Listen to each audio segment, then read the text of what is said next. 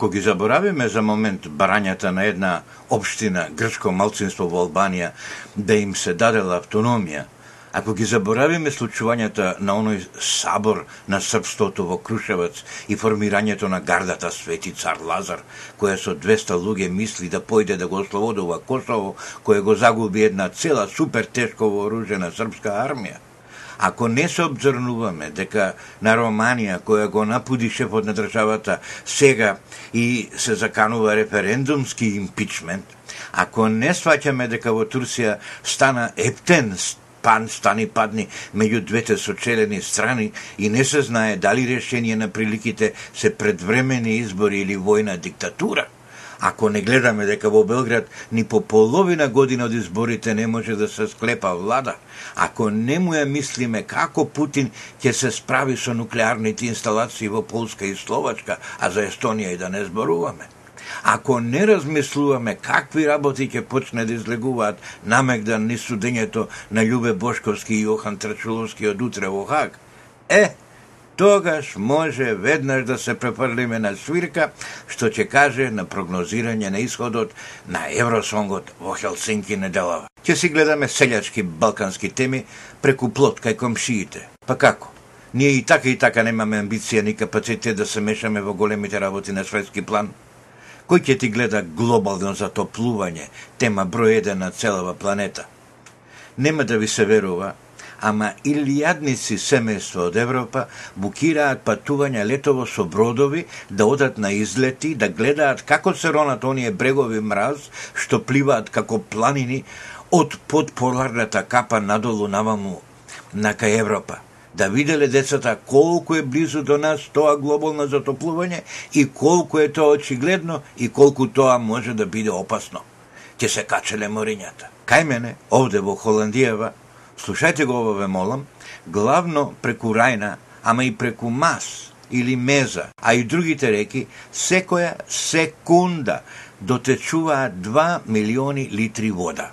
За една минута тоа се 120 милиони литри вода. За еден час 7 милиарди и 200 милиони литри вода. Чекај да не се заборам. Муабетот ми е дека за 45 минути се надоместуваат сите 5 милиони кубни метри вода што последниве 30 години ни ја испуштија грците од Дојран за вадење, за наводнување на нивите зад граница. Да имавме некоја рајна, гајле да си немаш, ама немаме. И сега Рајна е овде внесена заради глобалното затоплување. Да можам да ви кажам дека пролетва наеднаш снема вода низ каналите и пореките на Холандија. Зимоска не наварнал снег по Алпите, пролетва нема што да се топи и реките намалија. Наместо 2 милиони литри во секунда, само 1 милион и 400 илјади литри. Ке речете ништо. Не е така. Еве зашто не е така. Произлегува дека станува збор за 43 милиарди литри кусок вода на ден. Се сушат ливадите. Нема што да пасат оние крави со вимиња како розови ранци со по 30 литри млеко во секој. Нема путер, нема сирење, нема месо, оп, нема ни работ. Ете, тоа е глобал warming. Така, нагледно им се објаснува, натечињава за оваа голема светска закана, тоа што го викаат затоплување на земјата. И плюс на тоа, зошто треба да се штеди секој киловат енергија.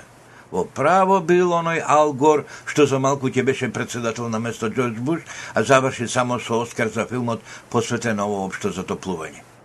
Има кај нас луѓе кои велат, батали го гор. Немаме ние гајле од поплави. Нека ја муслат дачовите, нека му ја мислат дачовите, индијците и другите кои живеат покрај мориња. Па ни јас не велам дека сега треба сите да бараме плацеви на Водно или по Скопска Црнагора. Иако тоа, да ви кажам право, не би биле лоши локации за кејплиско гледање врз работите како што течат сега во Скопската долина.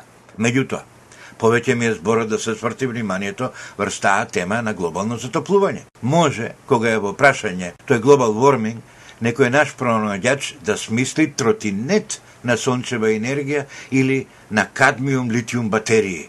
Ако веќе не сме кабил да проектираме цело ауто, како тоа американското чудо, што го викаат Тесла – спортско луксузно ауто на батерии од 0 до 100 км на час развива брзина само за 4 секунди, јау, 500 километри со едно чарджирање на батериите, ниту половина евроцент по километар, еве, например, до Охрид назад за 2 евра. И ни бензин трошиш, ни ништо. Е, поентата е, ако не можеме тоа, можеме да направиме тротинет. Овие овде холандјаниве се многу богат, ама многу скромен народ. Голем број од нив, калабалак народ од нив може да платат 70.000 евра да купат Тесла автомобил, ама не. Ги гледам, на тротинети се буткаат до работа. На вистина. Со собствени очи сум ги вишал возрастни луѓе на тротинети, две тркалца, едното напред, едното позади, меѓу нив штичка, на неа едната нога, а со другата се турнуваш. Ете баш така. И тоа во темно син, во темно сив костум, банкари за велосипеди и за електровелосипеди на батерии, да не ви ни раскажувам врволдници. Значи, дачовскиот резон е дека капка по капка заштеден бензин или нафта, ете се направил вир.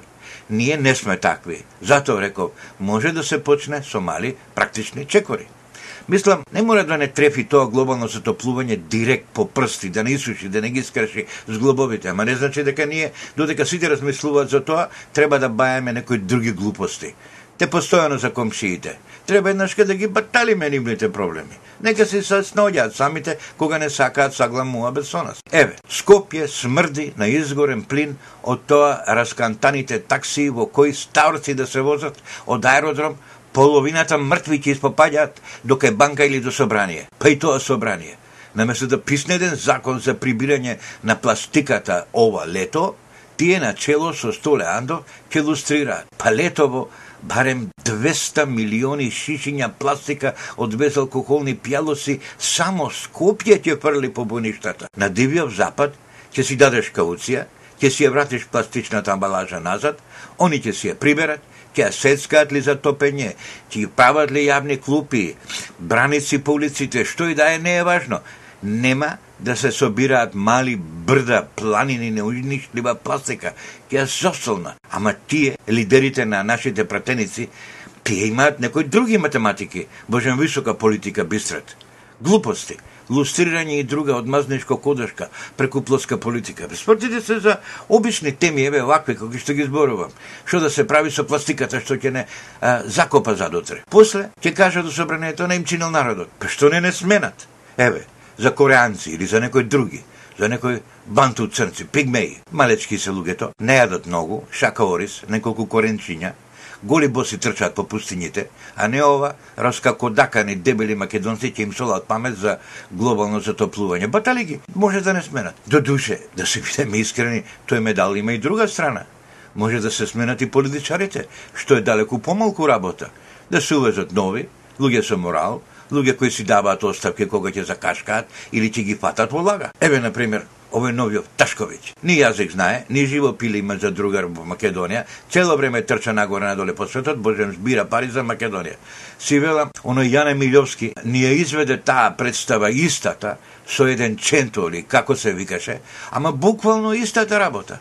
Го донесоа тој ченто од Кенгурија, од каде ли беше, не знам, ќе советува владата при жив здрав Нели Киро Глигоров како да собираме пари.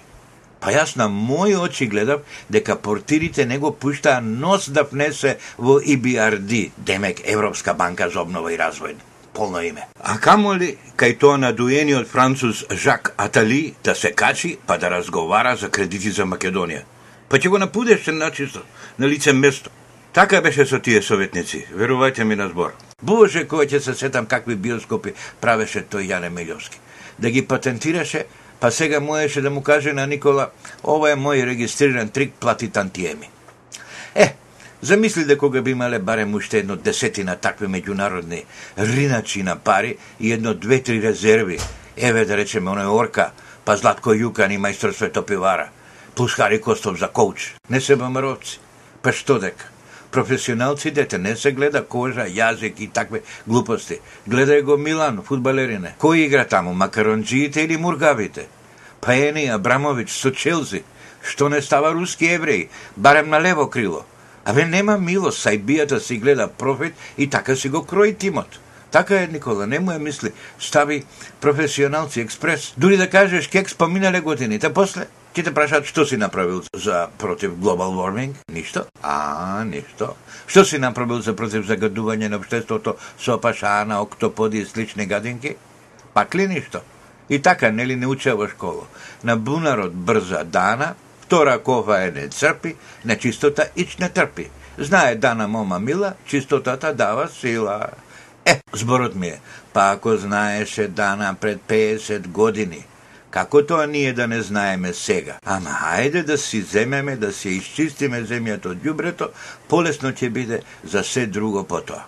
Ке се свртев кој Information Technology за накрај, меѓутоа дојдо резултатите од председателските избори во Франција.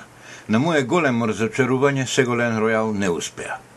Го избраа галите Николас Саркози – дете на 100% унгарски доселеник и авантурист во легијата. Како што би рекла Карла Дел Понте, овој Саркози подсеќава на Жан-Мари Лепен само во налискан костум, однадвор мазен, ама внатре за никаде. Како прво, човекот е решен да ја растори просоцијалната структура на француското општество и да заведе нов режим во кој нема солидарност. Кој има и кој ќе работи од утро до мрак, ќе живее. Кој нема, ќе гледа. Едни французи за него се ѓубре, а другите, послушните и долдисаните за профит, злато. Сеголен Ројал им рече јавно на сите своји патриоти дека тој ќе ја разнебити Франција. Меѓутоа, незините аргументи не ги прифатија. Тоа е демократија. Сакале, не сакале, ќе му се приклониме и ние на решението на француското мнозинство избирачи. Една од првите последици на овој избор на Саркози за нов шеф на Франција – тој, председателот на Франција, има речиси императорски областувања, ќе се почувствува многу болно во приликите, држањето и политиката на Турција наспроти Европа. Сега Ангела Меркел има уште еден сојузник во тесниот фронт против прием на Турција во Европската Унија. Овој избор, мислам, стравувам, ќе и биде доволно силен сигнал на Анкара да ги батали сите натамошни напори да стане сврзник, мост меѓу Европа и Азија, да се откаже да разговара за оние безброј услови што еден джимпур како Кипар и ги диктира на толкава 72 милионска земја.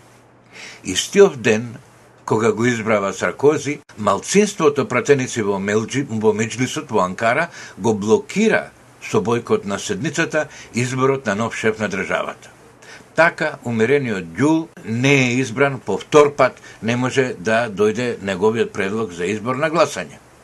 Значи, дали сега ќе се појде во предвремени избори, во кои исламистите ќе ги закорават своите позиции, или пак генералите ќе ги извадат тенковите од касарните, е прашање на кратко време, ќе се дознае набргу.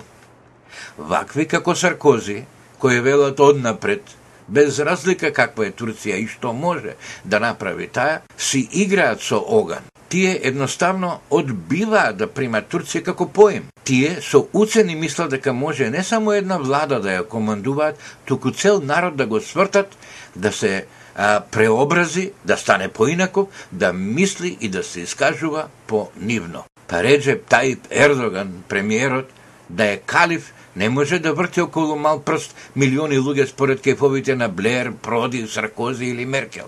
Работите не може да појдат кон поедноставување со овој избор на Саркози, туку само кон поголеми компликации. Не ова нешто неочекувано, ама и една сламка и го крши грбот на Камилата. За нас се ова е незгодно, затоа што со изборот на Саркози се отвара една друга дилема – За да се прими Македонија во Унијата, Франција ќе требало да прави референдум. Па како немаше референдуми до сега? Одговорот е така, шарен, нова политика. Мене не ми изгледа дека изборот на Саркози е некоја кружувачка вест за нас. Напротив, притисокот на Милка Фурцан, она од фирмата од Белград, за локацијата во Крапош 4 и заканите дека ќе го дава на суд нашиот премиер заради импликацијата на нивната фирма во подкуп обвинување, си има француско продолжение. Француска фирма е заинтересирана за истата локација. Треба да се внимава сега со тие одлуки, зашто овој Саркози е пргав човек еден тамо важен човек да дојде да му каже ба оваа Македонија се игра со нас овака или онака, доволно е да се создаде еден прв однос, негативен, мислам, спрема една земја. Една прва така на, на опаку поставена ситуација а, може да го поттикне да ни се продава нам како вересила. Откако ја купи Охридска банка, Сосиете Женерал треба да се негува грижливо. Тоа е голема банка во Франција. Таму во Париз може би треба да се прати и Линка Митрева, зашто според мене нема друга личност во земјата која може, барем да се очекува, да изгради некаква македонска платформа во таа арогантна номенклатура заседната во Кедорсеот во Париз. Така стојат се работите, не се баш многу розови, меѓутоа се релативно подалеку од нас. Сепак во овие денови јас мислам дека ќе се реши нашата иднина и во и во НАТО, па дури и во Европската Унија, затоа што нашите направија се што требаше да се направи. Меѓутоа, дај да а, го затворам јас овој подкаст, да појдам да ги навадам цвекињата на терасата и да не се бркам во висока политика. Ете, толку за денес од оваа сушна Холандија. Гроздан Попов, многу ве поздравува од Амстердам.